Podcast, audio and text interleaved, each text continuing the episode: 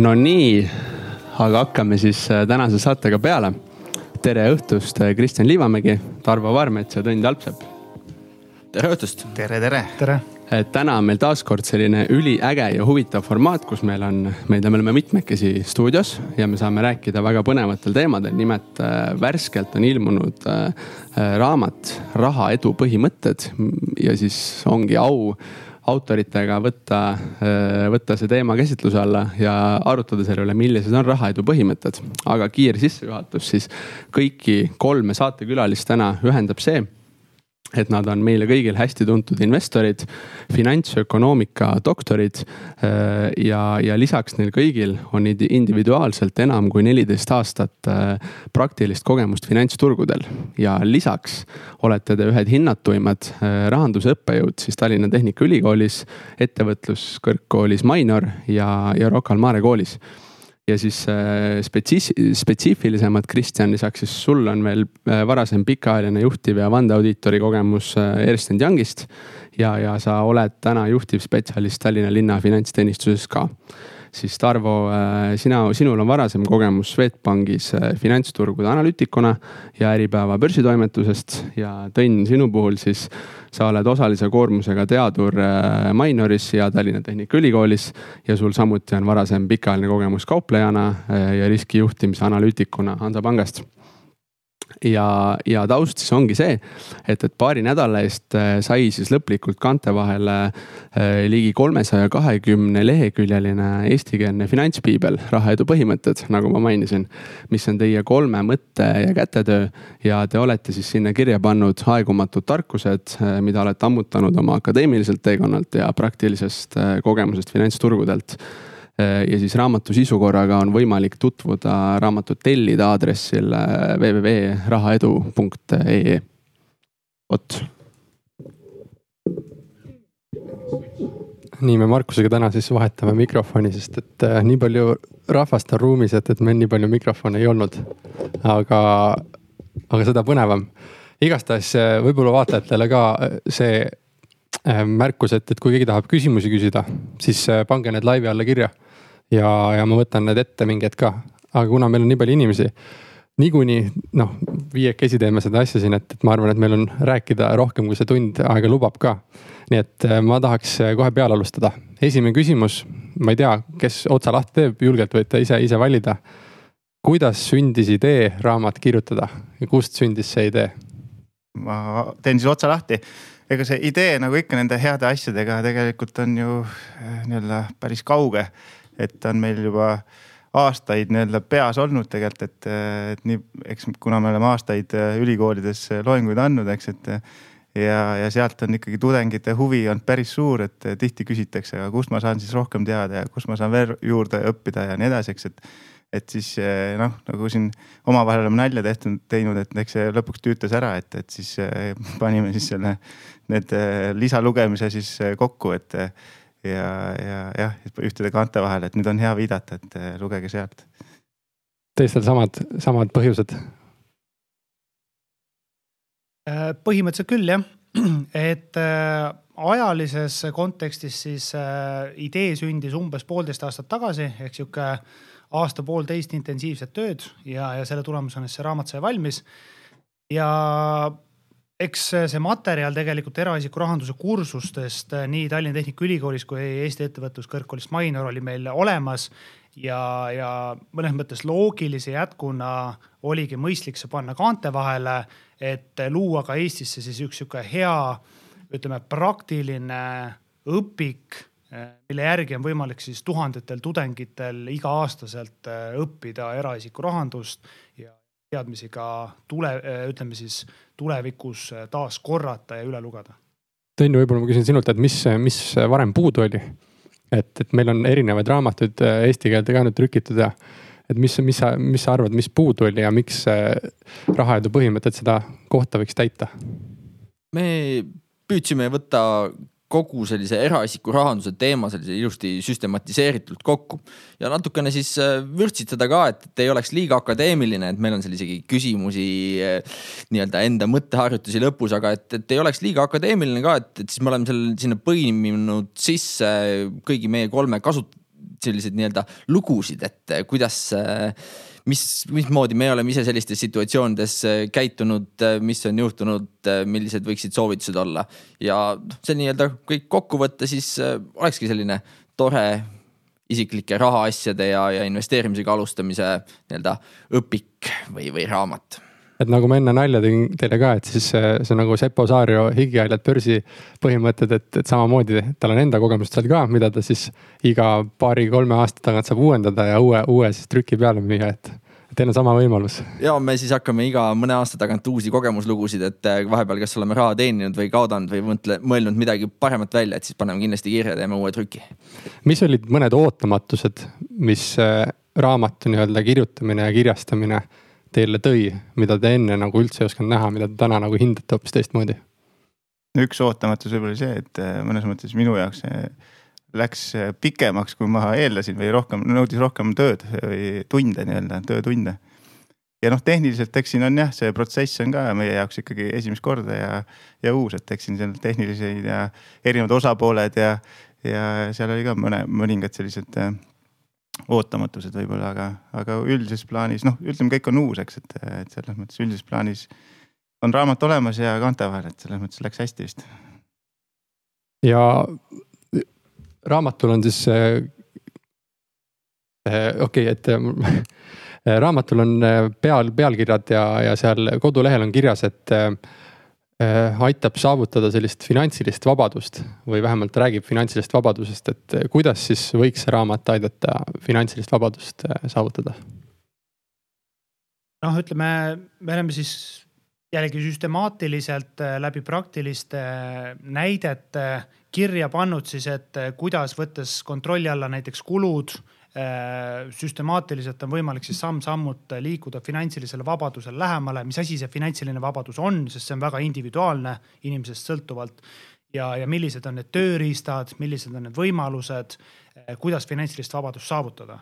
ja mis võib-olla oluline rõhutada, ongi see, et iga peatüki juurde, mida kokku on neliteist, siis me oleme igaüks kirjutanud ühe kogemusloo kuidas meie oleme selle finantsvabaduse saavutanud, aga pannud ka siis nii-öelda need praktilised näited teemadest sõltuvalt. et äh, igaühel meist on erinev teekond, erinev viis, erinev mõte, ütleme mõttemaailm, kuidas sinna jõuda, aga kõik me oleme selle saavutanud. nii et ei ole sihukest ühtset universaalset äh, valemit või rada, et tee seda, siis sa saad seda. ja, ja siin raamatus noh, sisuliselt ongi, ütleme, võib-olla kolm teekonda finantsvabaduseni läbi erinevate võimaluste, instrumentide ja lahenduste. ja samas, samas äh, teekonnad on erinevad, aga nagu üks jah, eelmise küsimuse vastus ka, et üks oodatud ootamatus oli ikkagi see, et et kõik need äh, sellised fundamentaalsed põhimõtted on ikkagi meil kolmel, ma usun, ikkagi üsna, üsna sarnased olnud või üsna samad, eks, et. et sellest ka pealkiri võib-olla, et raha edu põhimõtted, et kuigi me oleme jah liikunud erinevas tempos, äh, võib-olla natuke paralleelradadel, äh, teinud erinevaid asju, aga sellised fundamentaalpõhimõtted on ikkagi üsna, üsna samad, eks, et. Tõnn, tahad lisada? ei soovi. siis ma küsin sinu käest järgmisena sellise küsimuse, et rääkides siis finantsist vabadusest ja mainisite ka, et, et kõik on siis selle saavutanud mingil ajaperioodil. et rääkige põgusalt, enne kui me läheme raamatu nii-öelda peatükkidesse ka sisse, et, et kuna, kuna te ise finantsvabaduse nii-öelda saavutasite ja, ja milline teie investeerimisportfell täna välja näeb ja, ja, ja, ja üldiselt sellist enda investeerimistausta natuke juurde minu investeerimistaust on selline, et ma olen mõneti nagu kahestunud või lõhestunud isiksus, et ma olen ühest küljest olen endiselt äh, natukene sellist äh, kaupleja tüüpi. teen, äh, teen selliseid mõneti imelikke tehinguid kohati ja teisest küljest ma olen selline rahulikum investor, kes siis on täiesti vabalt valmis investeerima näiteks indeksaktsiatesse ja äkki siis panustama nii-öelda üldiselt turu suunale ja, ja olema siis äh, investeeritud ja valima siis noh, kas siis teatud äh, varaklasse või, või teatud siis ähm, tööstusharusid, et kuhu siis investeerida. jah, äh, minul investorina praeguses portfellis äh, on üsna selliseid mitmekesiseid investeeringuid, et nüüd jah, alates märtsist olen jälle aktsiaid natuke, nii-öelda aktsiate osakaalu portfelli, portfellis suurendanud ja samamoodi mul natuke kinnisvara ja ka ühisrahastusi mingit midagi, et, et selles mõttes jah, üsna selline hajutatud portfell, et ma tean, et Õnn vist rohkem on sellist aktsiausku, et, et mul on võib-olla natuke rohkem sellist hajutatust. Jah, kuna kuulajatele ja tavaliselt inimestele meeldivad konkreetsed numbrid ja siis nad saavad millegi vastu võrrelda, kas see on hea või halb, see on igaühe enda otsustada, siis äh, mina ausalt ja avatult olen oma portfellist rääkinud ja võin ka rääkida praegu, et investeerimisportfelli varade maht ületab hetkel üle kaheksasaja kuuekümne tuhande euro. igakuine keskmine passiivne intressitulu sel aastal, mis ma siis just lõin kokku, on üle seitsme tuhande euro. et erinevalt võib-olla Tarvost ja Tõnnist, minu portfell on selgelt rohkem kaldu laenude poole ehk siis fikseeritud tulumääraga instrumendid, kinnisvaraga tagatud laenud, teistmoodi tagatud laenud või siis ka tagamata laenud.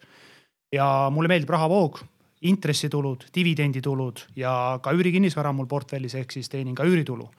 ehk siis selgelt eh, pigem rohkem kontsentreeritud rahavoogudele, rahavoo instrumentidele ja mina selles mõttes ma olen väga hästi kursis sellega, et eh, keskmiselt enamus investoreid ei suuda turuindeksi tootlust riski korrigeeritud ületada.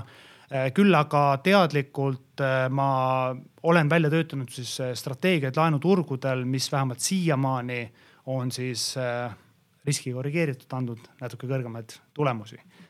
et jah, ehk siis mõnes mõttes jällegi, et teekond on sama, eesmärk on sama, aga instrumendid ja viis, kuidas me seda saavutame, on väga erinevad. ja kui küsite, mis aastal siis saavutasin finantsvabadused, see oli umbes aasta kaks tuhat viisteist, kuusteist, täpselt kuud peast ei mäleta. aga see oli siis see hetk, kui minu jaoks esimest korda passiivsed tulud ületasid minu igakuised äh, kulutused siis perekonnas. sealt edasi siis noh, vähemalt hetkeni on see pöördumatu teekond olnud. ma loodan, et nii see ka jääb äge, aga hüppame siis äh, raamatukaante vahele ka suurema fookusega, et te olete nagu mainitud, te olete raamatu jaotanud neljateistkümneks peatükiks ja kui hakata nüüd äh, ükshaaval neid peatükke lahti võtma, siis esimene võib-olla sihuke suurem plokk on äh, finantsplaanimine ehk millest lähtuda finantsotsuste tegemisel ja, ja kuidas hoida rahalist kontrolli, kuidas valida, kas säästa, kas tarbida, kas investeerida. et, et võib-olla Tarvo, alustame äkki sinuga, et mis on sinu jaoks üldse finantsplaneerimise sihukene abc, millised tegevused, milliseid tegevusi see endas kätkeb või millist suhtumist? no eks see on sihuke, mõnes mõttes sihuke klassika, eks, et eh, esmased sammud on võib-olla vaadata üle oma kulud, eks, et eh, kuhu sa, kuhu sa kulutad, eks eh, jah, millised need kulugrupid on, alates noh elu, eluasemekulud, meelelahutus, mingid muud transport, mis iganes need suuremad grupid on, riided on ju ja, ja teine pool kindlasti ka, ka see, et, et kuhu sa siis jõuda tahad, ehk siis nende eesmärkide seadmine ka kindlasti hästi tähtis, et et mis see noh, kui me räägime plaanimisest, eks, et siis see plaan tähendabki seda, eks, et mis see, mis see koht on või kuhu sa jõuda tahad, eks, et. Et kui see, kui see ongi finantsvabadus, siis tulebki enda jaoks ära defineerida, mis see finantsvabadus on, eks, et et seal raamatus me ka näitame välja, et või noh, toomegi välja, et kuidas neid eesmärke niimoodi seada, et need oleks ka nii-öelda efektiivsed või et need eesmärgid nagu nii-öelda siis äh, töötaks, et. lihtne on ju öelda, et äh, soovin saada finants, finantsiliselt vabaks. aga mis see päriselt tähendab, äh, kuidas, kuidas seda siis nii-öelda paremini, paremini sõnastada, et see on seal kõik ilusti raamatus ka kirjas, et aga noh, üldiselt lühidalt öeldes jah, et, et finantsplaanimine, kõigepealt kaardistada hetkeolukorda, eks, ja, ja siis äh, teha selline jah, konkreetne eesmärgistatud äh, plaan, et kuhu siis jõuda, on väga lühike ja lihtne vastus. väga head mõtted. Äh, Kristjan, võib-olla jätkame sinuga siin, et kuidas sa oled üldse enda jaoks loonud need proportsioonid igapäevakulutuste, säästude, investeeringute vahel, et saad sa äkki mõned näiad näpunäited tuua, millest kuulajatel-vaatajatel on kinni hakata? Jah, et eks ajas need äh, proportsioonid muutuvad, et ma mäletan väga hästi, et kui ma alustasin ütleme siis oma professionaalset tööalast karjääri aastal kaks tuhat üheksa, eelmise finantskriisi ajal, siis äh, igakuine sääst oli mul eurodesse konverteerituna suurusjärgus viiskümmend eurot. et äh, noh, see oli ka ainuke sääst, mida ma siis ka investeerida sain.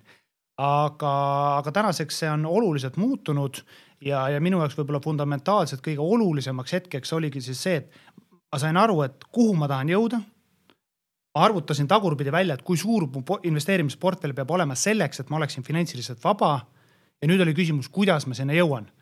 minu jaoks sai väga kiiresti selgeks, eriti just finantskriisi ajal, kui mu sõpru eh, koondati ja lasti lahti, et ühest tuluallikast sõltumine on väga riskantne. vahet ei ole, mis palgatöö või mis tuluallikas see on. ja, ja selle tulemusena hakkasin ma eh, selle asemel, et võib-olla meeleheitlikult nii-öelda kulusid minimeerida ja makarone süüa, mina hakkasin otsima võimalusi, kuidas oma tuluallikaid laiendada ja mina olen seda usku, et lihtsam on tulusid suurendada, kui kulusid kärpida. kõik võib-olla ei nõustu selle ideega, aga, aga see oli see viis, kuidas mina seda teekonda käisin. ja ma võtsin endale lisatöökohti juurde. alguses ütlesin nii Minoris kui ka TTÜ-s, et võin tasuta teha mõned loengutunnid. Kui tudengite tagasiside on positiivne, räägime edasi. kui tulemused on okeid ja ma või, lõpuks oligi olukord, kus mul tegelikult oli kolm aktiivset palgatöökohta. lõpuks noh, tänasest on välja arenenud ka sinna, ma teen kõrvale lisaks ka finantsanalüüse, finantskonsultatsiooni ja nii edasi. ma lugesin kokku, et mul tänasel hetkel on üle üheksa erineva tuluallika, aktiivse ja passiivse. kolm erinevat palgatöökohta, konsultatsioonid, äh, koolitused, intressitulud, dividenditulud, üüritulud ja noh, siis ad hoc projektid mm.. et äh, isegi kui ma kaotan kõik oma palgatöökohad, mind lastakse igalt poolt lahti, siis mul on ikka tuluallikad olemas. vot see on see olukord, kus ma eelmise finantskriisi ajal ei olnud, aga kus ma tahtsin järgmise kriisi ajal olla mm. ja, ja võib-olla Tarvole täienduseks nende kulude-tulude poole pealt, minu jaoks võib-olla kõige huvitavam teema üldse nende kulude või eelarve koostamisel, mis noh, natukene võib-olla sihuke kuiv teema, raske teema psühholoogiliselt kõige huvitavam minu jaoks on see, et kuidas leida säästmise võimalusi nii, et mu elukvaliteet ei lange. vot selles valdkonnas ma olen, noh, seda teemat ma olen siis edasi arendanud, üritanud ideid leida ja ma ütleme niimoodi, et enda igapäevakulutustel, mida me siis koos abikaasa ja perekonnaga teeme, me oleme välja töötanud erinevaid võimalusi, kuidas ilma elukvaliteeti alandamata kulusid vähendada. ma küsiks siis jätkuküsimusena, et kuidas seda teha väga hea küsimus, et. Äh, raamatus peatükk, äh, mis see peatükk on, äh, on kirjas Ra? raamatus ja iseenesest peatükis kaks kogemuslugu on kirjas, seal on kirjas, kuidas ma siis ütleme e-poest tellides säästan aega, nii aega, raha kui ka väldin emotsiooni osta, see võib-olla kõige huvitavam ei olegi. aga näiteks huvitav mõttetera, mis tõenäoliselt tulevikus paljudele, kas koduomanikele või tulevastele koduomanikele on siis see, et teadlikult uue kodu soetamisel me integreerisime päikesepaneelid, äh, päik-, noh, nii-öelda päikesepaneelide süsteemi siis enda äh, maja siis küttesüsteemide ja elektritarbimise sisse. Ja arvutasin väga lihtsalt matemaatiliselt ka välja, et juhul kui ma, mul oli võimalik seda finantseerida pangalaenuga ja see pangalaenu kuumakse oli suurusjärgus kolmkümmend eurot, aga see sääst, mis tuli siis nii küttekuludelt, elektrikuludelt, oli suurusjärgus seitsekümmend eurot kuus keskmiselt aasta baasil. pluss lisades juurde sinna kaksteist aastat ka taastuvenergia toetusi, kakssada eurot aastas umbes, siis matemaatiliselt minu jaoks oli hea viis, kuidas ma sain. Eh, maja sai nii-öelda sisuliselt nullenergia majaks, mis tõstis maja väärtust Äh, ilma enda raha alla panemata, sest see käis kõik pangalaenuga, oli mul võimalik suurusjärgus nelikümmend eurot kuus säästa. ja kõike seda tehes siis nii-öelda ka loodussõbralikult, äh, kasutades modernseid tehnoloogiaid. üks väike näide, aga kõik nendest väikestest eurodest algabki just ja siin täienduseks, nagu ma ütlesin, raamatus on neid näiteid päris palju, et näiteks on ka lihtsad viisid on ju kasvõi tutvuste kasutamine, eks, et, et sul on vaja mingit toodet, mingit teenust Äh, turuhinnaga, turuhind on üks hind, sul on tuttav või keegi, keegi tuttav, tuttav, kes on seal asjas sees, küsid tema käest, saad kakskümmend protsenti alla. sa ei kaota elukvaliteedis, sa saad täpselt sama asja, aga saad odavamalt. ka jälle, üks lihtne näide, eks, et ja neid näiteid jah, on seal raamatus päris mitmeid, et kuidas, kuidas säästa nii, et, et elukvaliteet tegelikult ei muutu mm. -hmm aga võib-olla eh, just nendelt aegadelt, kui te alustasite, et eh, Tõnn, äkki küsin sinu käest, et, et eh, millised võiksid alustades olla üldse need mõistlikud tasemed? et kui sa soovid investeerida, et su kapital kasva, kasvaks, et sul oleks tagala kindlustatud elu jaoks ja et su eluviis oleks ka normaalne, et sa ei peaks nagu makarone päevast päeva sööma. et kuidas, kuidas sinul alguspäevadel oli? ma ütleks, et alguspäevad on alati üsna karmid ja noh, kui on suurem eesmärk ja on sinna eesmärgini soov jõuda kiiresti, siis tuleb teha teatud ohverdusi.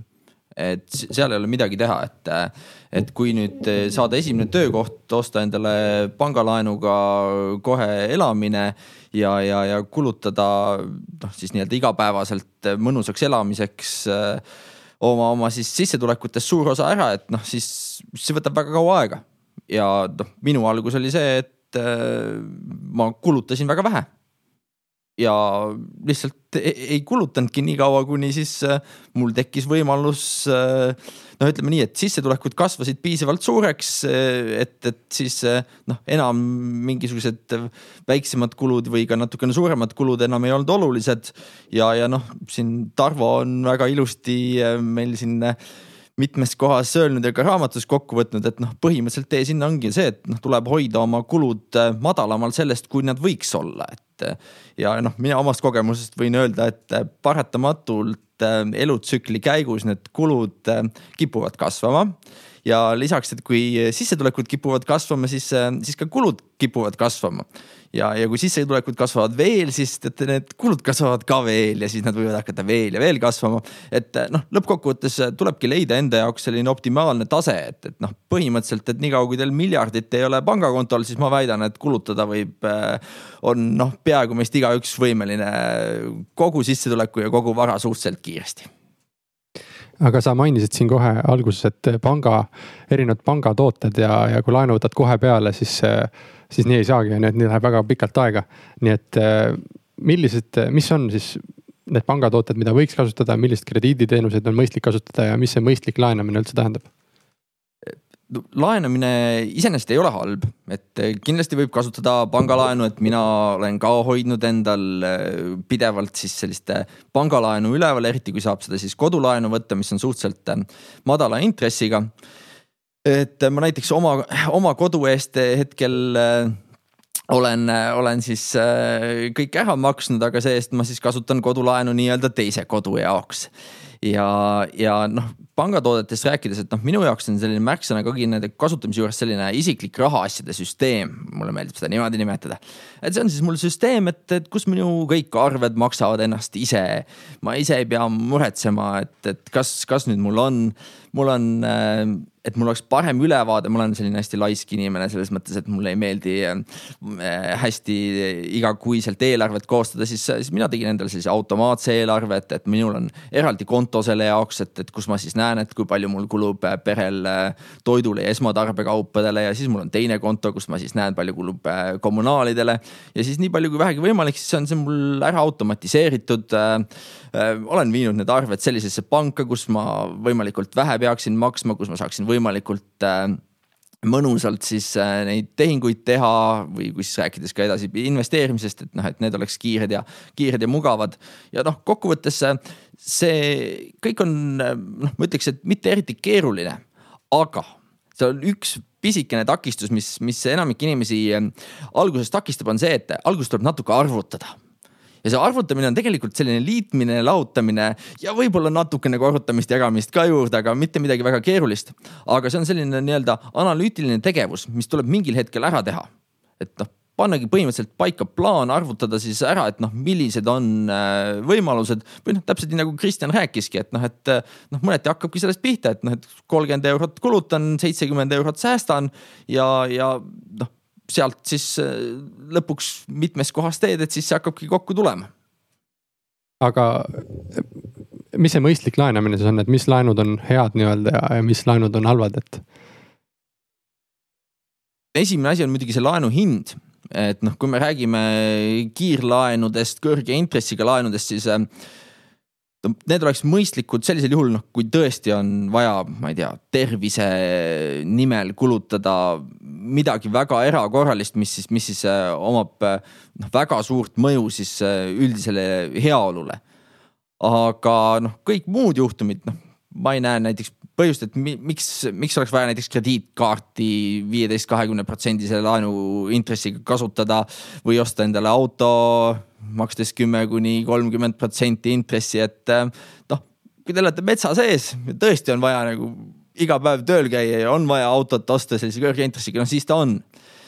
Samas, et noh, tasubki siis mõelda, et samas noh, räägime kodulaenust intressitasemest sinna kuskil kahe-kolme protsendi kanti, vahest isegi natukene madalamalt ja no siis ongi küsimus see, et, et kas samal ajal suudate selle rahaga midagi noh asjalikumat teha, et noh, näiteks mina kasutan sedasama raha. võin, võin sellise väga konkreetse näite tuua, et, et kasu mõneti nagu on mul teatud kinnisvaraobjektide jaoks justkui omakapital olemas. aga et hoida siis nagu kokkuvõttes saada teatavat efekti, siis ma pigem maksan pangale siis paariprotsendist intressi ja sellesama raha hoian madalama riskiga võlakirjades, mis, mis toovad siis mulle natukene kõrgemat intressi tagasi. ehk et noh, selline jälle väikene optimeerimine, hoides riskid mitte eriti kõrged maksavad siis minu võlakirjad mulle niisiis selle kodulaenu intressi ära, kui siis natukene peale ma usun, et meile siin laua taga noh, kui Excelit oskad kasutada, et selline arvutus on väga lihtne teha, et, et aga kas, et, et selline alustaja investor või, või kes hakkab oma rahaasjadega tegelema, sellest kontseptsioonist aru saaks, kas raamatus on sellest nagu põhjalikumalt kirjas?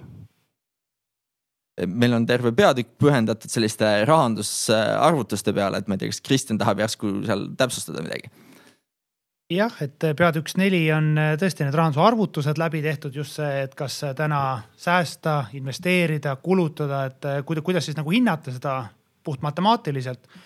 aga teine teema on ka siis see, et meil on terve eraldi peatükk ka laenutoodetele pühendatud, ehk siis millised on erinevate nende laenutoodete hinnad, karakteristikud, millisel juhul võiks neid kasutada, millisel juhul neid kindlasti ei tohiks kasutada ja kuidas on võimalik neid omavahel kombineerides saada siis ütleme positiivne efekt. et minu jaoks võib-olla üldiselt taandub see kõik väga lihtsale põhimõttele, et juhul, kui ma võtan laenu, siis minu ütleme, see vara, mille jaoks ma laenu võtan, see oodatav tootlus peab ületama siis selle kapitali hinna. Juhul, kui me räägime investeerimisest. minul ei ole siiamaani elus mitte ühtegi krediitkaarti kunagi olnud ja ka praegu ei ole. et jah, minu laenud, mul on kodulaen, intressi üks koma viiskümmend viis protsenti aga niikaua, kuni ma suudan ise oma investeerimisportfellit teenida kõrgemat tootlust kui see üks koma viiskümmend viis protsenti, ei ole mul mõtet investeerimisportfellist raha välja võtta ja oma kodu välja osta. kui ma seda mingil hetkel enam ei suuda teha, mis iganes põhjusel, mul on mõistlik see kodulaen tagasi maksta ja finantsvõimendust vähendada. et eh, noh, jah, väga lihtsad nagu põhimõtted et me oleme ägedalt jõudnud siia kinnisvaralainele, et ma küsin sissejuhatuseks enne siin kinnisvara teemasid äh, lahti võttes selle ära, et. et kas teie põhimõte, nagu ma aru saan, on see, et äh, Tõnn rääkis sellest, nüüd Kristjan mainis seda, Tarvo ei ole maininud, aga kohe saab mainida. et, et siis, kui hakkad laenu võtma, et iseenesest see raha võiks juba enne olemas olla.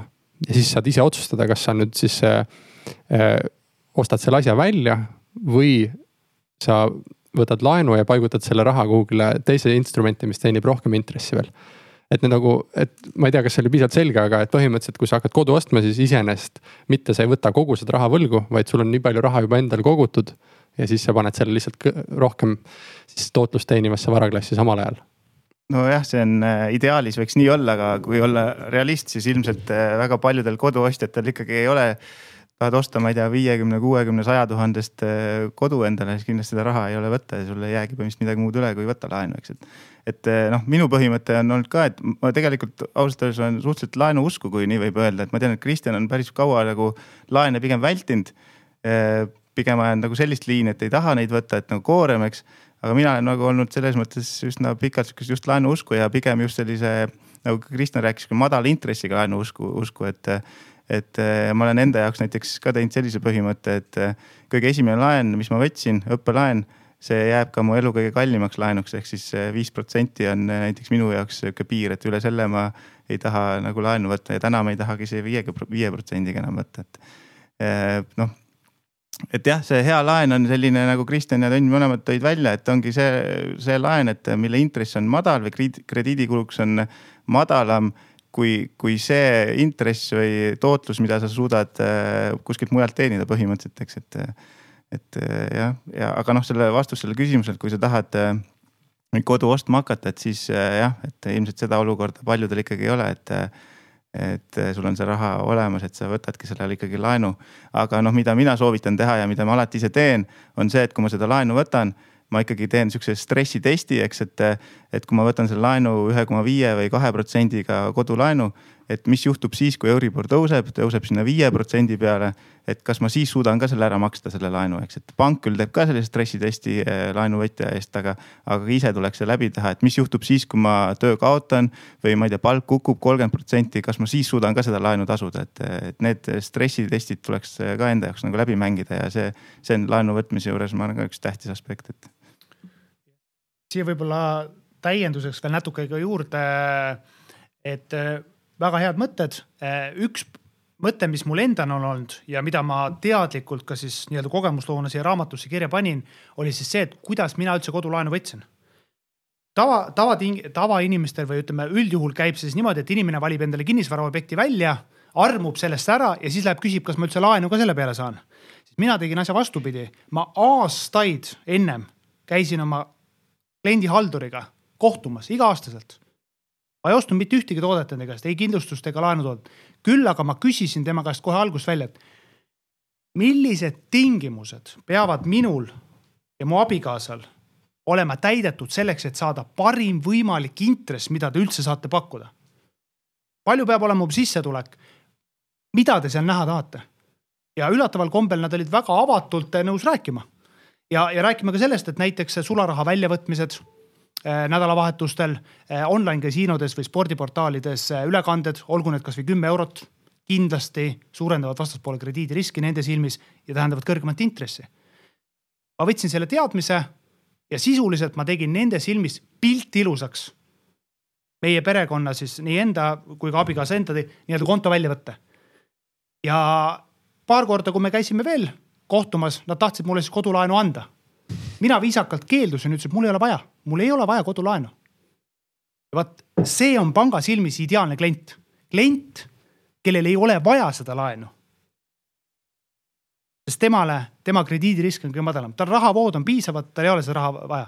ja ühel hetkel siis, kui meil see kodulaenu teema aktuaalseks sai ja me kodulaenu võtma läksime, siis intress oli parim võimalik sellel hetkel ehk siis minu võib-olla see praktiline soovitus oleks see, et ennem nagu ikka planeerige ja kui te seda kodulaenu protsessi käite läbi, ükskõik, kas te kasutate kasvõi kodukapitali laenu investeerimiseks või milleks iganes muus. mõelge see protsess läbi, rääkige vastaspoolega, mida nad näha tahavad ja presenteerige neile, mida nad näha tahavad. ja siis on võim või ütleme, pall teie käes ja teie saate dikteerida neid tingimusi juba julgemalt meil on nüüd äh, läinud väga selles suunas, et, et kui, kui kõik on väga hästi planeeritud, siis on muidugi väga tore ja intressid oleks ka väga madalad, et ma võin jälle omast kogemusest jälle julgelt öelda, et mina näiteks äh, investeerimispositsioonide võtmiseks äh, kasutan suhteliselt tihti finantsvõimendust. Ma üritan kasutada võimalikult madalalt seda, aga on ka olukordi, kus ma olen rahulikult maksnud kaheksa protsenti aastas. Noh, tõsi küll, see jääb viimase finantskriisi aega, aga noh, siis on täpselt see, nagu ka Kristjan siin enne mainis, et minu oodatav tootlus, mis ma siis äh, varahinna kasvust tootsin, oli, oli selgelt suurem kui siis see intress, mis ma maksin. ja teades, et ma maksan seda intressi võib-olla siis mitte aasta aega, vaid võib-olla kuu aega või nii. ehk siis nii-öelda ikkagi sa viisid justkui nagu äh, vastavusse selle, et, et mis see laenukulu küll on, aga siis selgelt oli sellel tulul nagu väga suur potentsiaal ülespoole nojah, et ega me kunagi lõppkokkuvõttes ei tea, et, et kuidas see nüüd läheb, et see, et mina hindasin, et, et see on potentsiaalselt hea investeering ja selleks võiks laenuraha kasutada, et noh, see ei tähenda, et nii läheb. ja, ja noh, see, sest noh, tulebki teadvustada, et noh, tegelikult seal ongi risk, et kui ma ikkagi laenan pool raha juurde ja, ja nüüd, nüüd kaotan, et siis, siis ma pean selle kaotusega kinni maksma ja nüüd see kaotus on selle võrra suurem, et ma kasutan rohkem võõrkapitali ehk laenuraha mm -hmm.. võib-olla veel täpsustan, et üks mõte, et tegelikult, et võib-olla natuke selgemaks teha, et tegelikult pangad ju kasutavad ise täpselt sama loogikat, et võtavad hoiuseid sisse nii-öelda klassikalises mõttes või noh, mõned ka kaasavad võlakirju või mis iganes, onju. aga nad annavad laenu siis kallimalt välja, mõnes noh, ehk siis investeerivad kuhugi nii-öelda instrumenti, mis pakuvad suuremat tootlust, kui nende raha hind on, eks, et võtavad mhm. hoiused madalalt sisse ja annavad kallima hinnaga raha välja, eks, et mm, -hmm. et noh, natukene sarnane asi on nagu noh, meie mõttes kõigil sama, eks, et mm. -hmm aga kui äh, minna nüüd edasi kinnisvara teemaga, millesse me põgusalt siin äh, peas hüppasime, et teil kõigil on portfellis kinnisvara, on mul õigus? et äh, kui te üldse tegite oma esimeste kinnisvaraobjektide, kodude ostusid, siis millised olid võib-olla teie sellised väärtuslikud kogemused või õppetunnid, mida te tagasi vaadates nüüd nagu teeksite teistmoodi ja mida te soovitaksite vaatajal-kuulajal teistmoodi teha, et äkki. ja ma võin kohe sellest rääkida, mul on sellest sinuga. väga hea lugu selle minu esimene tehing oli aastal kaks tuhat üheksa, ajastuse mõttes äh, perfektne, täpselt põhjast, äh, ma ei tea, võib-olla kuu-kaks või kvartal oli see põhi oli erinev, aga noh, põhimõtteliselt täpselt põhjast. aga sisulises mõttes oli see päris halb. selles mõttes, et ma ostsin äh, korteri. punkt üks, see oli nii-öelda soklikorrus oli tehtud isetegevuslikult siis laiendatud, ehk siis ta ei olnud ametlik, eks. ta oli kahekorruseline korter, siis esimene korrus, teine korrus esimene korrus, Sokli korrus, Sokli korrus oli mitteametlik ja ta oli vanas majas. ja, ja täna, täna, täna tagasi vaadates, siis äh, on selle, mul on see korter siiamaani alles, aga selle maja ja korteriga on selles mõttes olnud väga palju tööd ja vaeva, et et, et nüüd ma ise olen vedanud seda maja renoveerimisprotsessi mingi seitse-kaheksa aastat juba päris palju aega sinna pannud. alles nüüd eh, seda maja renoveeritakse, täna seda maja renoveeritakse lõpuks pärast eh, kümme aastat, pärast kümme aastat, kui ma selle ostsin, selle korteri. ja loodetavasti ma pärast saan siis selle renoveerimise käigus ka selle mitteametliku pinna ametlikuks, eks, et, et ühesõnaga jah, päris minu õppetund oli see, et mida ma ise enam teha ei taha, on osta siis äh, äh, võib-olla ma maakleri ilusa jutu peale, mida ma ka kohati uskusin aastal kaks tuhat üheksa ikkagi, et kohe läheb maja renoveerimisse esi,, esi, isegi helistasin sellele juhatuse esimehele. ja kes kinnitas, et jah, et, et nagu tahame teha küll, aga noh, tegelikult oli tegemist soovi, mitte nagu äh, kindlate plaanidega, eks. ja jah, minu kogemus on, et sellisesse vanasse majja ja mingi ütleme siis jah, mitteametlikult või mis ei ole seadustatud pind, et selliseid asju nagu mina, mina üritan vältida edaspidi kindlasti, et väga head mõtted, Kristjan, sa jagasid äh, päikesepaneelide kohta juba väärt infot, aga oleks sul alguse päevilt võib-olla mõningaid mõtteid jagada täiesti aegade algusest? noh, selles mõttes ütleme, et jah, et, et klassikaliselt investeerimisportfelli ma loen ainult äh, kinnisvara, mis teenib mulle tulu, ehk siis see on üks äh, kinnisvara, üürikinnisvara, mis mul seal on portfellis siis. ja see lisandus sinna pigem, kuidas nüüd öelda siis olukorras, kus ma soetasin endale uue eluaseme, vana ma maha ei müünud vaid see jäi mulle portfelli alles, ehk ta siis äh, vaikimisi tuli nii-öelda sinna kaasa siis. et äh, jah, minul võib-olla nagu nii pikaajalist äh, kogemust üürikinnisvaraga ei ole ja teadlikult ei ole, mina olen pigem siis seda usku, et kuna mul on väga palju või ütleme siis piisavalt sõpru, kes tegelevad aktiivselt elamu kinnisvara üürimisega, väljaüürimisega ja need lood, kus ma kuulen, kus seal gaasikatlad lendavad õhku, kuidas, kus dementsed inimesed paigutatakse sinna, kuidas sa puuküürnikest vabanedes pead sisuliselt kasutama oma jõuliseid jõusaali sõpru siis mul on igasugune soov tegelikult äh, üürikinnisvaraga tegeleda ära kadunud peale seda, kui ma Excelis lasen need numbrid läbi ja näen, et ilma võimenduseta oodatav tootlus on mul seal viis kuni seitse protsenti. ma panen selle raha parem Eften Capitali, Baltic Horizon fondi, kus nad kasutavad ka oluliselt optimaalsemalt äh, finantsvõimendust, riskid on paremini juhitud, portfell on paremini, paremini juhitud ja sisuliselt ma saan selle dividendi passiivselt sealt kätte. ehk mm, -hmm. ehk mina teadlikult olen tegelikult üürikinnisvarast eemale hoidnud. see, et ta mul nüüd seal portfellis on, on mõnes mõttes natuke sihuke olude sund. aga kuna sellel on väga suur nagu sihuke emotsionaalne väärtus mulle, siis äh, ma seda teadlikult ei müü ja noh, siiamaani tuti-tui on kõik nagu kenasti läinud. aga, aga, aga ma ei, ma kindlasti ei taha üles ehitada endale mingi kümne korteriga üürikinnisvara või, või mingeid siukseid asju. selleks on Eften Capital, kellele ma siis oma raha annan ja ma tahtsin täpsustada, et Kristjanil muidugi väga head mõtted ongi, et ka selle ilmselt kõik, kes on üürikinnisvaraga tegelenud, teavad neid lugusid ja aeg-ajalt on neid jamasid päris palju, eks, aga, aga lihtsalt Kristjanile juurde, et et lisaks üüritulule on kinnisvara puhul ka nii-öelda turuväärtuse tõus, et, et see viis, viis, seitse protsenti ei pruugi olla sinu ainuke tootlus, et turuväärtuse tõusu pealt on võimalik ka, kui on noh, nii-öelda tõusutsükkel, et siis et kogu tootlus võib olla isegi kõrgem kui see viis-seitse, eks. jah, no nõus, aga Efteniga ma saan täpselt samamoodi, et ega see, see majandustsükkel tõstab ka nende kinnisvarade õiglased väärtused mm. -hmm. aga noh, see kõik on jah, ongi filosoofiline küsimus ja see on väga okei okay,, et ma selgelt aktsepteerin teisi vaateid, lihtsalt äh, mul on äh, oma ajaga natuke midagi paremat teha, kui käia WC-potte vahetamas, äh, lambipirne vahetamas, sest ma ei ole kuldsete kätega remondimees mm. -hmm. kes on, kindlasti suudab väärtust luua ja müts maha nende inimeste ees, need on tõeliselt väärtuslikud inimesed väga-väga head põhimõtted. Tõnn, kuidas sinul kinnisvara alguse päevilt olid? ma ei ole päris kindel, et mis mul esimene kinnisvaraobjekt üldse oli aga ma võin öelda, et nii-öelda, kui sa küsid äh, puhtalt õppetundide osas, et siis ma oleks äh, seal esimeste objektide hulgas oli, oli kindlasti näiteks põllumaad ja, ja võsa, et siis ma selle võsa oleks jätta ostmata ja ostnud selle asemel hoopis põllumaad. aga sellisele tavalisele inimesele õppetund oli võib-olla see, et äh, mina lükkasin oma kinnisvara ostu edasi et sellega võib jälle minna nii ja naa, et, et kui tavaliselt küsitakse, et siis ma soovitan ikkagi, et noh, et lähtuge oma sellisest elutsüklist ja vajadusest aga mina tegin siis ähm, selliselt, et ähm, nii kaua, kui mul oli vaja nii-öelda väikest pinda ehk et siis enda ja abikaasa jaoks, et siis, äh, siis ma üürisin kinnisvara. ja no muidugi see oli tegemist ka eelmise kinnisvarabuumiga, et noh, minu jaoks lihtsalt äh, hinnad olid täiesti absurdselt kõrged.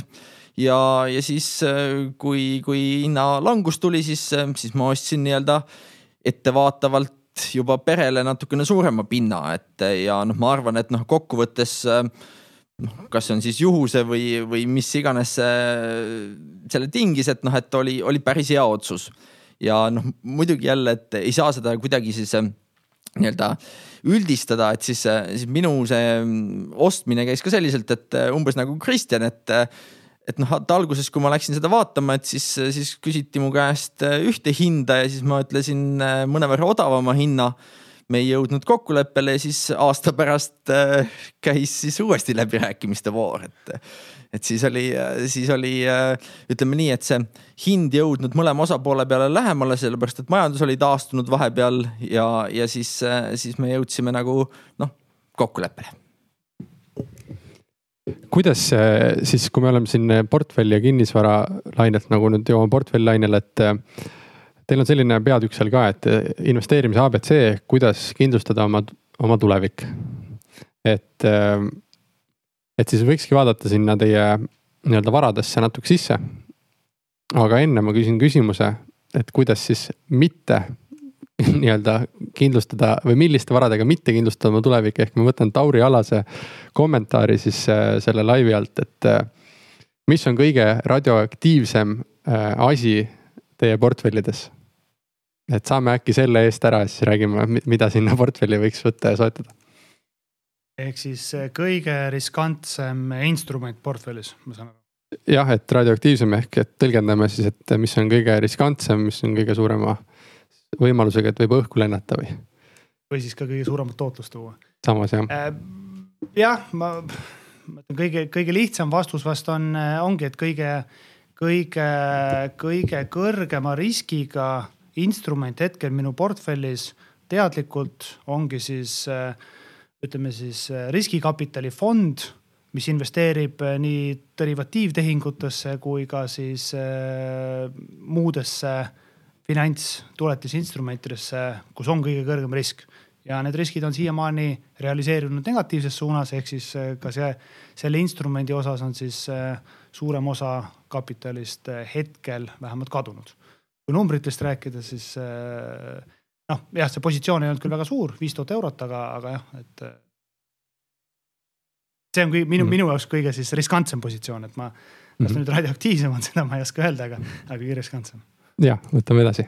ja ma arvan, et äh, äh, ma mõtlengi, kumb minul on, mul on sama positsioon nagu Kristjanil, aga natukene ka seal, aga, aga ma ütlen, mul on ka seal Funderbeamis äh, mingit startup idesse natukene pandud, eks, et äh, võib-olla seal on ka midagi sellist nii-öelda radioaktiivset, et Upsteam äkki, ja äkki see on selline üks üsna selline, mis võib lennata, aga võib ka, võib ka maanduda päris tugevalt lihtsalt eh, disclaimer'ina ütlen ära, et su vastas istub Upsteami üks meeskonnaliige. ma, tean, ma pigem ütleks, et, eh, et seal on väga suur potentsiaal. noh, siis ma olen hästi pannud, et ma loodan, et Markus jah nagu hoiab seda minu investeeringut ka hästi seal. Tõnn minul oli kindlasti kõige radioaktiivsem ja ma tahaks näha, kuidas te seda nagu üle trumpate oli äh, nafta futuur hiljaaegu. et kui keegi mäletab, et siis see nafta futuur lõpetas siis äh, hinnal negatiivne ehk et miinus kolmkümmend seitse koma kaks dollarit barrelist. mul oli kas viissada või tuhat barrelit seda, et noh, et siis äh, ja et peale seda, et, et äh, õnneks mul ei olnud ta siis äh, lõpuni käes, et äh, juhuste tahtel sulgus see positsioon iseenesest ennast seal kuskil poole tee peal nulli suunas ja, ja negatiivses suunas üldse ei saanudki minna. aga ütleme nii, et, kui juhused tahtel ei oleks asi niimoodi toimunud, et siis, siis ma oleksin saanud sealt väga rumalasti väga-väga suure kaotuse ja ei, väga värvikad näited, et, et, et kõik oleme neid sündmuseid nagu kõik, mis räägitud on, kõik teavad siin laua taga vähemalt, et siis ähm, huvitav kuulda. aga räägime, jah kui, kui tohib korra, sest ma ütlengi, et nii-öelda. ei, ei, ma ei trumpa üle, aga ma ütlen, et see on äh, lihtsalt täpsustuseks võib-olla nii-öelda algajatele investoritele, need, need ei ole kindlasti need asjad, äh, mida siis võiks oma portfelli nüüd täis, täis tuupida, et. et äh, raamatus ka kirjutame investeerimispüramiidi ideest, et võib-olla natuke lähtuda sellest, et sellised noh, eriti meestena on ikka sihuke adrenaliini otsing ka, et ma arvan, meil kõigil ikkagi natuke tahad sellist adre, adrenaliini ka leida ja börsidelt ja nii edasi, eks, et. et aga see osakaal seal portfellist võiks ikkagi jääda väikseks nii-öelda, nii-öelda algajatel inimestel. aga tutvusta seda püramiidi põgusalt ja, ja, ja siis äh, räägi ka seda, et kuidas sinu päriselu see investeerimispüramiid välja näeb jah, see püramiidi idee, mida me siin raamatus ka välja toome, ongi see, eks, et, et sul on seal suurem osa portfellist ehk siis äh, suurem osakaal portfelli varadest on pandud siis nii-öelda väiksema riskiga ehk siis madala riskiga. ja siis ta niimoodi astmelt äh, läheb siis ülespoole, et äh, mingi osa varade siis natuke kõrgema riskiga ja natuke väiksem osakaal. ja lõpus siis jah, et kui on see adrenaliini otsimise vajadus, et siis selline väike osa, ma ei tea, mõned protsendid portfellist on siis sellised radioaktiivsed, nagu siin küsimus oli, eks, et et idee on siis selles, eks, et äh, suurem osakaal väiksema riskiga ja väiksem osakaal suurema riskiga, eks, et. Äh, ja minul endal jah, ma arvan, et mul ongi selline kinnisvara ilmselt ma loen nagu pigem sellise väiksema riskiga investeeringuteks enda puhul, et mis võib-olla on seal põhja, põhja pool ja kindlasti raha osakaal ka portfellis, et noh, mis on enam väiksema riskiga investeeringuks väga palju ei saa minna, kui sul on lihtsalt raha portfellis, eks, et see on ilmselt see äh, see nii-öelda see põhi mul portfellis ja siis see tipp on see, millest ma juba enne natuke rääkisin, et mm.. Tõnn, et, et meil, kuidas sinu portfell siis täna üles ehitatud on ja milline see sinu nii-öelda püramiid välja näeb? minu püramiid näeb välja selline, et mina näiteks arvestan ka enda psühholoogiliste faktoritega, et äh, minu psühholoogiline faktor on see, et näiteks mulle meeldib, et ma oman iseenda kodu, et ei oma seda keegi teine. ja, ja siis, siis mul ongi, et võib seda nimetada tinglikult nii-öelda reservvaraks, et noh, mingisugune teatud hulk vara, mis, mis ei ole, ei ole riski all. et noh, on siis mingisugune hulk raha, natukene kinnisvara, noh näiteks mul siin nagu öeldud, põllumaad käib ka sinna alla. ja, ja siis on ülejäänud varad ja, ja kui mul on selline puhver või selline reserv olemas, siis ma saan nende ülejäänud varadega võtta suuremat riski ehk et noh, ma tean, et noh, et kui läheb halvasti ja on läinud halvasti, et läheb ka tulevikus halvasti, et siis äh, mul vähemalt äh, mingi hulk äh, finantsvahendeid jääb alles ja, ja siis, kui vaja, et siis ma, siis ma saan uuesti alustada või kui vaja, et siis see aitab mul siis äh, mingisuguseid muid tegevusi teha. ehk et noh, praegusel hetkel ma olen ka üsnagi julgelt võtnud äh, näiteks aktsiapositsioone mm Kristjan, sinul, äh, milline see püramiid välja näeb ja siin üks äh, vaataja küsimus on ka selle ma küsin siis okay, pärast. teeme siis natuke lühemalt selle püramiidi, et põgusalt eelnevalt ka rääkisin, et mina äh, ütleme niimoodi, et mul on siis arvestatav osakaal portfellist on kinnisvaraga tagatud laenudes, esimese järku hüpoteegiga kinnisvaraga tagatud laenudes. kus, mida mina hindan siis, et see nii-öelda vastas, vastaspoole krediidirisk on minu jaoks aktsepteeritaval madalal tasemel ja see tootlusootus on või noh, ütleme see tootlus või intressitulu näol on siis atraktiivne. ehk see moodustab siis nii-öelda sihukese või ütleme, laenud, mis on siis tagatud kas kinnisvaraga või muude varadega, et see moodustab mul nagu sihukese tuumiku.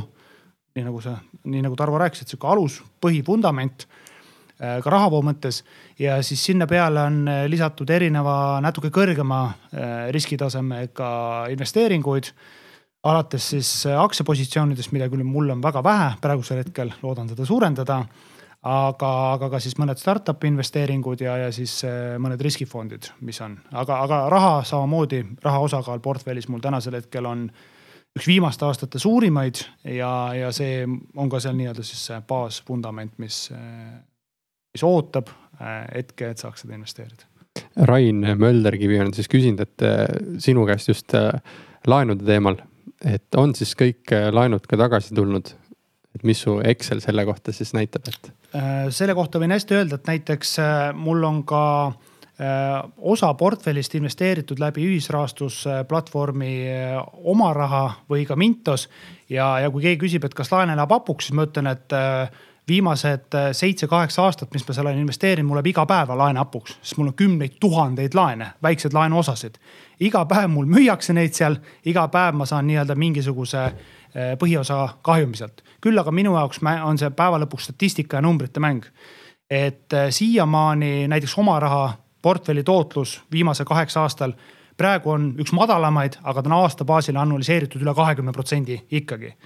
Ja siiamaani siis intressitulu ületab kordades põhiosa kahjumid ja, ja seda ka siis hetkel majandustsükli langusfaasis. tõenäoliselt me näeme nende kahjumite suurenemist tulevikus, aga äh, jah, et. Äh, ilmselt oli küsimus ka mõnede muude laenude kohta okay. näiteks ka, et noh, lisaks. E, e, jah, et kui ma mõtlen selle peale, siis äh, ütleme otselaenud, mis on antud, et, et me oleme ühe projekti osas oleme andnud kolm kuud intresside maksepuhkust. ehk siis äh, kuidas öelda siis, et noh, et põhimõtteliselt intressid äh, kolm kuud siis äh, ei maksta intressi ja juulikuus siis makstakse need intressid, mis siis kolm kuud eelnevalt ei makstud, makstakse siis. eks näeme, kuidas läheb, esimest järku hüpoteek on peal. ütlen ausalt, et mentaalselt ja moraalselt koos partneriga, keda me seda teeme, kuna tema igapäevaselt juriidiliselt ka nende nüanssidega tegeleb, et ja, ja, ja ka viivises laene sisse nõuab, et siis väga okei okay on ka minna seda laenu sisse nõudma, et varem või hiljem see niikuinii juhtub, see on selge, et kas see juhtub nüüd või juhtub see paari aasta pärast, noh, see on aja küsimus, see ei ole küsimus, et kas mm, -hmm. pigem millal. ja selline laiem küsimus äh, siia, et, et kuidas teid äh, väliskeskkonnas toimuv mõjutab ja teie strateegiaid? Et praegu on just selline aktuaalne punkt ka sellest võib-olla rääkida, et kas teie pikem investeerimishorisont on muutunud, mis strateegiaga te olete Äh, oma portfelli ehitanud ja kas see on nagu muutunud ja? mina teadlikult tegelikult alates äh, märtsi algusest olen oluliselt oma portfellis suurendanud raha osakaalu. Äh, taaskord soovinud siseneda aktsiaturgudele suuremalt, sest ennem ütleme veebruarikuu lõpu seisuga mul oli portfellis kas üks protsent või alla, alla ühe protsendi oli ainult aktsiapositsioone ja ma soov, just nimelt ootasin seda turgude langust. Eh, kogusin ka kapitali täitsa arvestataval hulgal. Eh, päris sada tuhat ei, ei tulnud täis, aga sihuke natuke alla saja tuhande oli kapitali, mida paigutada siis turgudele mina ausõna ei uskunud, et eh, kakskümmend kaks märts tehakse põhi ja minu jaoks siiamaani liiguvad reaalne majandus ja aktsiaturg, eelkõige tehnoloogiasektori näol risti vastupidises suunas ja ma ei usu, et see saab kesta edasi niimoodi küsimus on nüüd, et kas rahatrükk siis äh, päästab kogu selle pildi või mitte. aga jah, mul mingid aktsiapositsioon on, aga see selgelt on äh, oluliselt väiksem positsioon, kui ma tahaks omada. Ja noh, ma viskasin, mäletan, ma aprillikuus viskasin nalja, et, et jõuab kätte juulikuu. Äh, mul on portfellis ütleme kolmkümmend protsenti rahas. aktsiaturud teevad uusi tippe ja, ja ma olen äh, nii-öelda dilemma ees, et mis nüüd, et kas ma, kas, et rongist ma olen juba maha jäänud, et kas ma nüüd hüppan siis viimasena ka sinna peale, et järgmised viis aastat on tõusu. ja noh, tänasel hetkel, see oli küll naljaga pooleks öeldud sellel hetkel, aga liigume väga sinna suunas, nii et. et võib tekkida selline olukord, kus, kus mitte ei jää turu nii-öelda indeksile alla sellepärast, et, et oleks langus olnud, vaid sellepärast, et ei ole lihtsalt investeeritud jah, ja seda siis majandustsükli langusfaasis kõikide mõõdikute järgi aga Tarvo, sinu selline investeerimisstrateegia, kuidas väliskeskkond seda ja, mõjutab?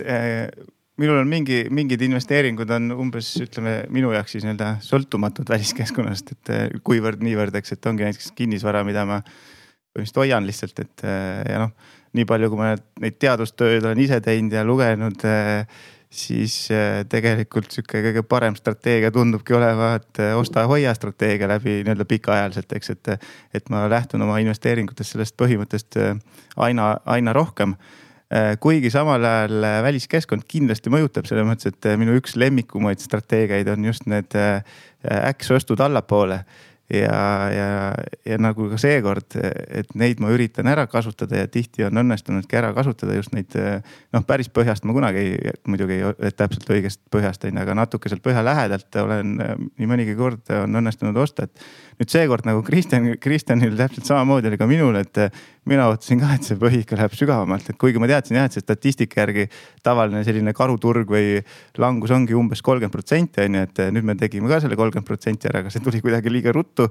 ja, ja samamoodi mõnes mõttes jäin rongist maha, aga mis mul õnneks hästi läks, oli see, et ka natuke koroonaga seotud, aga mitte võib-olla niivõrd, et, et ma suutsin tabada seda nafta sellist sööstu alla, et, et seda ma võtsin sealt alt päris ilusti ja, ja jah, need positsioonid on mul siin mõne kuuga üle saja protsendi juba plussis, eks, et, et noh, see, see läks hästi. et kuigi jah, ma ütlen, et noh, enne kui positsioon oli maha müüdud, ei saa ma ei saa ma ka seda tootlust lukku panna, et osa olen juba tegelikult äh, maha müünud, aga osa on veel alles, aga, aga see naftaga õnnestus äh, see põhjastrateegia ikkagi ära teha, et. Tõnn, sama küsimus sulle. mina selle aasta, enne seda aastat olin suuresti kas siis rahas või, või ma omasin teatud võlakirju. ja, ja siis olid aktsiapositsioonidest noh, midagi sellist, mis ma arvasin, et on tsükli osas vähem tundlikud. ehk et siis ma natukene kartsin ja, ja, ja, ja võib-olla siis ka ootasin, et midagi võib juhtuda. seda, mis juhtus, ma muidugi ei osanud oodata. ja, ja siis, mis ma praegu olen, olen sisuliselt täielikult aktsiapositsioonides. ma eeldasin, et kriis tuleb kiirem. et ta nii kiire on, jällegi ei, ei oodanud ja noh, samas äh, oleks ma eeldanud nii, nii kiiret taastumist, et siis ma oleks äh, suure tõenäosusega agressiivsemalt veel, veel allpool äh, julgenud osta, et, et praeguse seisuga noh, kuna turud on nii palju juba tõusnud, et siis ma äh, siis on nagu päris hästi mul nende aktsiapositsioonidega läinud, aga noh, sellises situatsioonis äh, oleks see asi natukene kauem kestnud, oleks ma julgenud võib-olla veelgi, veelgi rohkem ja julgemalt siis ka finantsvõimendust kasutada, mida praegu siis eh, nii agressiivselt ei saanud teha. ma kuulasin eh, Tarvo ja Tõnn teie Äripäeva seda saadet ja seal te mainisite mulle nagu väga laheda mõtte, et kui keskpank eh, toetab raha, nii-öelda raha pakkumisega turul, et siis minna pikaks ja kui hakkab vaikselt baasintressimäärasid tõstma, siis hakata nagu mõtlema müümise peale, et mulle see mõte väga meeldis, ma mõtlesin tunde selle peale eile. Aga jah, see on lihtsalt idee tasand, ma tahtsin selle siia vahele visata. aga äh, kui hüpata nüüd äh, teise väga olulise teema juurde, mis, mis on teie raamatus väga hästi kaetud ja, ja mis mõjutab kindlasti investorite tootlust ehk maksud ja kuidas enda rahaasju just siis maksuefektiivselt korraldada et, et äh, võib-olla teie enda kogemuse põhjal läbi tudengite, klientide ja teadustöö, et äh, Tõnn, äkki saad avada alustuseks, millega seonduvalt või, või millistes valdkondades üldse libastutakse äh, maksu efektiivsuse mõttes kõige enam? No maksu efektiivsus tuleb pigem mängu selles kohas, et, et kui riik on pakkunud teatud võimalusi hoida maksude pealt justkui kokku, siis, siis neid võimalusi võiks kasutada. Need võimalused näiteks avanevad siis investeerimiskonto kasutamise poole pealt, mis kõige paremini tuleb välja siis äh, dividendiaktsiatega. ehk et isegi noh, kui teatud juhtudel muidu on mõistlik omada investeeringuid ettevõtte alt, et siis näiteks äh, dividende maksvate aktsiate puhul on seda väga paljudel juhtudel mõistlik omada siis eraisikuna investeerimiskontol kui, kui, kui sellised vahendid on olemas. samuti on äh, mõistlik kasutada tegelikult kolmanda samba äh, võimalusi. enne ei oleks seda võib-olla nii tugevalt esile tõstnud, aga nüüd, kus on siis äh, kättesaadavad ka indeksfondid, mis siis tähendavad seda, et sellised haldustasud, mis, mis fondijuhtidele maksta tuleb, on, on suhteliselt madalad, siis selline nii-öelda maksuefekt kakskümmend protsenti saad saad siis äh, justkui nagu tulumaksu tagasi, et noh, see on selline noh, annabki kohe efekti, et noh, et näed, sa investeerisid vaata kakskümmend protsenti peaaegu justkui nagu maast leitud. noh, muidugi see kakskümmend protsenti ei ole nagu niisama, vaid see siis põhimõtteliselt äh, hajub natuke nende aastate vahel laiali ja noh, need, need on need sellised noh, nagu lihtsad asjad, et kus siis, kus siis vaadata, et kas ja, ja mingit noh, nii-öelda maksuerisusi annab, annab kasutada oskate äkki, Tarvo, Kristjan, midagi veel spetsiifilisemat välja tuua võib-olla kinnisvara valdkonnast? ei no üldises plaanis ma olen tönn, rääkisin needsamad asjad, mida ma ise nagu proovin kasutada, aga noh, kinnisvara puhul noh, ilmselt äh, kinnisvaraäri on ajada mõistlikum ka näiteks OÜ alt on ju, sa saad äh, oma need äh, mis Kristjan enne rääkis, et ta ei taha neid WC-potti seal remontimas käia, aga noh, need kulud saad nagu põhimõtteliselt ikkagi ju sellest äh, maha võtta, on ju, et, et eraisikuna on seda keerulisem juba teha, et, et need kinnisvarakulud maha võtta oma kasumist, eks, et või noh. ja kui me räägime laenudest või näiteks ühisrahastusse investeerimisest, siis osaühingu kaudu investeerimine selgelt kõige maksuoptimaalsem, väga, väga, väga hea ja ma arvan, vajalik diskussioon ja õppetunnid oli ka hiljuti Finantsvabaduse Foorumis kajastatud, kus investor siis imestas, et tema teenis intressitulu, aga maksis rohkem tulumaksu, kui tema intressitulu oli. ja maksuseaduse kohaselt täpselt nii see maksustamine käibki. ja juhul, kui siuksed ekstreemsed olukorrad tekivad, siis topelt maksustatakse see eraisikuna. ehk siis Äh, miks mina investeerin osaühingu kaudu, on siis see, et esiteks intressitulust ma saan maha lahutada laenukahjumid, oma raha on kõige klassikalisem näide. teenin tuhat eurot intressitulu, kakssada eurot on põhiosa laenukahjum ja siis nii-öelda kaheksasada eurot on nii-öelda see puhas kasum. kui ma seda hakkan välja maksma, siis maksustatakse see. kui ma eraisikuna investeerin, siis riik võtab mult kakskümmend protsenti tulumaksu, mitte puhaskasumilt ehk kahesaja, kaheksasaja eurot, vaid tuhandelt eurot ja võib tekkida olukord, kus ma näiteks teenin tuhat eurot intressitulu kuus äh,. ütleme aastas tuhat eurot intressitulu, tuhat eurot on mul laenukahjumid ja ma maksan veel kakssada eurot riigile tulumaksu ka veel peale. kuigi ma tegelikult ei ole teeninud ju tulu ja, ja selliseid kaasuseid on väga mitmeid, väga palju ja need aastate peale kumuleeruvad ja ja noh, ma ütleks, et oluliselt lihtsam, oluliselt mõistlikum, maksuoptimaalsem on teha see osaühing. osaühingu asutamise kulu sada üheksakümmend eurot ja noh, tegelikult administratiivne haldamine, kui sa ikkagi raamatupidamisest ja numbritest midagi jagad, siis eh, on, on, on minu hinnangul on võimalik tundidega teha see ära aastas. kas see on midagi, mis, mida te raamatus ka puudutate? Ja need äh, nii-öelda see kogemusloona on, on, on kirjas, pluss siis need kõik need põhimõtted, mida Tõnn rääkis ka, need on maksunduse peatükis kõik äh, lahti äh, kirjutatud. Ehm, et lõpetuseks siin mõned küsimused nüüd raamatu osas just, et kui värske raamat on ju, et mina ei ole seda veel lugenud, ma tean, et mõned inimesed on, kes on saanud arvustada seda raamatut juba, aga ütlesid väga hea, hea sisu, et, et aga mis te ise näete, et kui nüüd inimene võtab selle raamatu kätte, loeb selle kaanest kaaneni läbi, võib-olla teeb märkmeid ka juurde, vastab need küsimused ära. et äh, millega ta siis ära läheb või, või mis ta saab sealt raamatust? kuidas te ise seda kirjeldaksite? no tegelikult see ongi see, eks, et äh, see, et sa lihtsalt selle läbi loed, äh, sa saad selle teadmise, aga mõnes mõttes olulisem on, et. aga see, mis teadmise? no see ütleme jah, teadmisi on seal väga palju, eks, et, et alates sellest, kuidas oma igapäevaseid asju korraldada, nagu Tõnn ütles võib-olla, et aega säästa oma rahaasjade korraldamisel, kontosüsteemid, eks. kuidas säästa ja kuidas lõpuks investeerida neid sääste ja nii edasi, eks. Neid teadmisi on seal üsna hulgim ja neid põhimõtteid. aga noh, oluline on ka see, et neid siis tõesti nii-öelda rakendada ka, eks, et ma arvan, et see on see tähtis punkt, et, et, et see ei ole selles mõttes võib-olla selline mõnus Äh, romaan, mida sa loed läbi ja unustad ära, et, et see on mõeldud sellisena raamatuna, et sa nagu reaalselt hakkad siis rakendama ka neid põhimõtteid, mis sinna, mis siia kaante vahele on pandud, eks. väga lühidalt kokkuvõttes ma ütleks, et siit raamatust saad sa teadmised, tööriistad, kuidas haarata kontroll oma finantsasjade üle.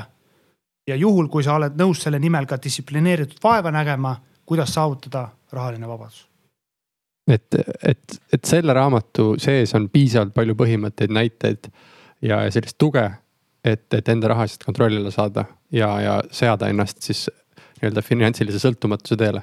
jah, kolm inimest istub su vastas, kes täpselt samu põhimõtteid kasutades on seda saavutanud ma ei näe mitte mingit põhjust, miks keegi teine ei võiks neid samu põhimõtteid saavu-, äh, kasutades jõuda täpselt sama tulemuseni. jah, just, et tegelikult need põhimõtted ei ole midagi äh, erilist, selles mõttes, heas mõttes erilist, et need on selles mõttes lihtsad põhimõtted. et aga neid tuleb lihtsalt distsiplineeritult rakendada ja, ja vastaks sellele küsimusele, et tegelikult on siin raamatus äh, Äh, neid põhimõtteid ja ideid oluliselt rohkem, kui äh, tegelikult oma rahaasjade või rahalise edu jaoks võib-olla parandamise jaoks vaja, vaja isegi on, et äh, kui siin raamatust rakendada teatud põhimõtteid, juba siis ma usun, inimeste rahaline heaolu oluliselt paraneb, et, et ongi sellised noh, kõige lihtsam põhimõte, eks hoia oma kulud tuludest madalamad, väga lihtne põhimõte, kui sa seda teed, sealt hakkab pihta ja su e-, elu läheb nii-öelda rahalises mõttes juba paremaks. Ja see on ainult üks põhimõte, eks. Tõnn. ja rõhutaks, et neid tuleb rakendada ehk et niisama, kui me loete, et siis äh, sellest on vähe. et äh, lugege ja rakendage, see on ainus võimalus mm. -hmm. ja kas, kas ma saan aru, et noh, me siin vestluses ka, et, et, et teemaks on see raamat ja, ja põhimõtted, aga me ikka läheme omavahel siin äh, alati investeeringutes sügavamalt sisse ja räägime mingeid nüansse juba, et, et noh, kasvõi need äh, radioaktiivsed tehingud või, või, või Kristjan jagas siin mingeid muid äh, kodulaenu nippe ja muid asju, et. et mõtlen, kui minna nüüd investeerimises nii-öelda teisele tasandile, et, et siit on põhimõtted. aga kas on oodata ka mingit teist raamatut, kus, kus nüüd räägitakse seda nagu sellist noh, edasi jõudnud investeerimisteemat või, või kas see raamat nagu aitab seal osas ka juba? Meil iseenesest peatükk fundamentaalanalüüsi kohta on olemas, mida mina isiklikult peaks juba sihuke edasijõudnud investori tööriistaks või oskuseks äh, teadlike investeerimisotsuste tegemisel. aga kui sa küsid, et äh, näiteks võlakirjade puhul äh, mingisugused keerukamad tehingud või, või tuletisinstrumentide optsioonide hinnastamine, et siis see selgelt ei ole siin raamatus kirjas, see on ütleme investeeringute analüüsiraamat ja kas see ilmub või mitte, seda peab siis küsima kollektiivselt, ma hetkel ei oska öelda, hetkel me muidugi ei kirjuta seda aga, aga läks, ma vaatasin näod läksid päris naerule, et. ma võin ausalt tunnistada, et äh, kuskil äh, selle aasta alguses ma panin juba sisu korra kirja. ja siis ma saatsin oma kaasautoritele emaili, et kas hakkame kirjutama. ja siis nad ütlesid, et veel ei hakka, et siis ma neile sisu korda ka ei edastanud no meil oli see vist mõte, et äh, vaatame, et kuidas äh, inimestele see esimene raamat meeldib, et.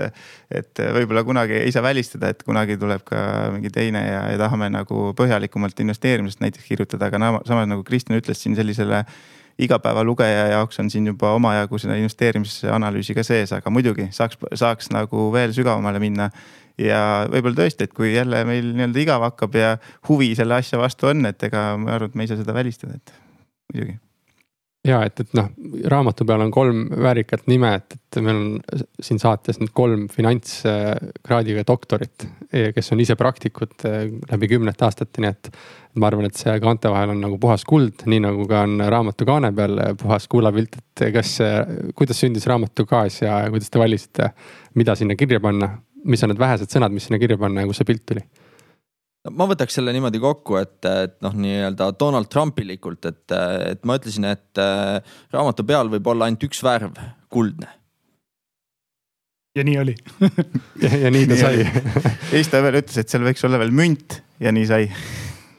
Ja siis oli, et seal võiks olla numbrid kuni kaheteistkümneni, et, et võib minna kuni kaksteist aastat, et seda jõuda Me, meie Tarvoga alalhoidlikult ütlesime, et proovime nimed ka kuidagi panna, et siis me oleme rahul.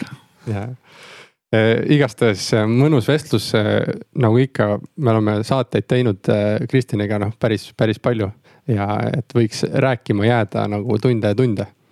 ja, jah, lisa. ja ma lihtsalt lõpetuseks korra mainiks ära, et, et tõesti, kellel selle teema vastu sügavam huvi on, siis ja soovib seda raamatut soetada, siis kasutades ütleme sooduskoodi investeeri on võimalik see raamat kakskümmend viis protsenti soodsamalt äh, saada kodulehel rahaedu.ee.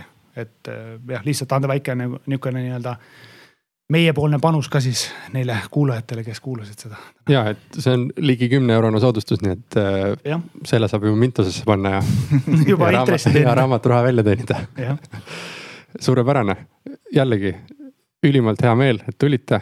mul on hea meel näha sellist raamatut ka siin ja ja ma ei teagi, ma tahaks selle läbi lugeda varsti, ma ei ole seda lugenud, nii et ma arvan, et, et peab ka koodi kasutama ja siis loeme läbi.